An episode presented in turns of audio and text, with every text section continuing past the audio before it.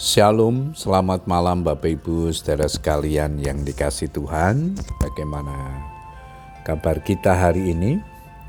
Doa saya kita semua selalu sehat dalam perlindungan Tuhan dan tetap bersemangat menjalani kehidupan ini meskipun ada banyak tantangan pergumulan di dalam kehidupan kita. Malam hari ini kembali kita berkesempatan datang kepada Tuhan untuk menaikkan ucapan syukur dan doa-doa kita. Namun sebelum kita berdoa, saya akan membagikan firman Tuhan yang malam ini diberikan tema Roh Kudus mengajar kita berdoa. Ayat mas kita di dalam Roma 8 ayat yang ke-26, firman Tuhan berkata demikian, Demikian juga roh membantu kita dalam kelemahan kita. Sebab kita tidak tahu bagaimana sebenarnya harus berdoa. Tetapi roh sendiri berdoa untuk kita kepada Allah dengan keluhan-keluhan yang tidak terucapkan. Semua orang pasti akan menyanggah jika dikatakan tidak bisa berdoa karena kita menganggap bahwa berdoa adalah sesuatu perkara yang mudah. Benarkah demikian? Berdoa adalah hal yang sulit dilakukan bagi sebagian orang Kristen yang tidak memiliki persekutuan yang karib dengan Tuhan. Sebab doa itu bukan sekedar menghafalkan atau membaca tulisan, tetapi doa yang benar harus lahir dari kedalaman hati kita. Jiwa, roh, dan perasaan kita berada dalam satu aliran yang sama jika Roh Kudus menggerakkan dan memimpin kita dalam doa.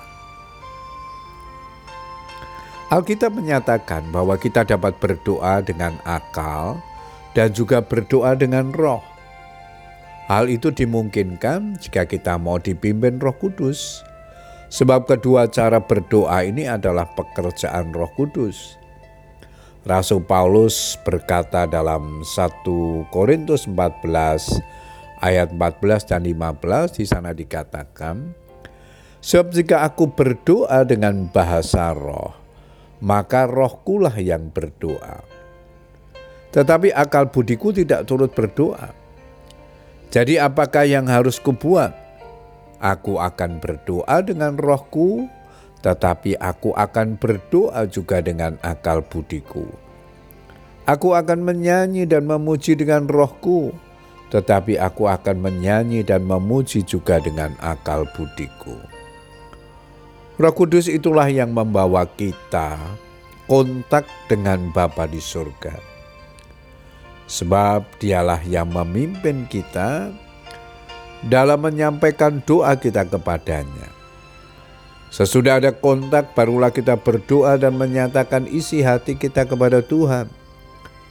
Berdoa itu berbicara dengan Tuhan dari hati ke hati, memandang Tuhan dengan mata iman, dan menyampaikan segala permohonan kita.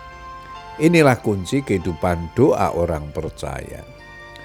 Tuhan Yesus berkata dalam Matius 5 ayat yang ke-8, Berbahagialah orang yang suci hatinya, karena mereka akan melihat Allah. Hati memiliki peranan sangat penting dalam hidup seseorang, sebab dari hati timbul segala pikiran yang jahat. Hati yang suci berarti hati yang terbebas dari segala kejahatan. Inilah modal bagi seseorang untuk dapat berjumpa dengan Bapa dan orang yang dapat berjumpa dengan Bapa berarti ia berkesempatan untuk berkata-kata atau berbicara dengannya. Namun seandainya ada niat jahat dalam hatiku, tentulah Tuhan tidak mau mendengar Demikian Mazmur 66 ayat 18 mengingatkan kita di dalam berdoa. Hanya oleh pertolongan Roh Kudus kita dapat membangun kehidupan doa yang tidak berkeputusan. Puji Tuhan Bapak Ibu Saudara sekalian, biarlah kebenaran firman Tuhan ini menjadi berkat bagi kita. Tetap semangat berdoa, Tuhan Yesus memberkati. Amin.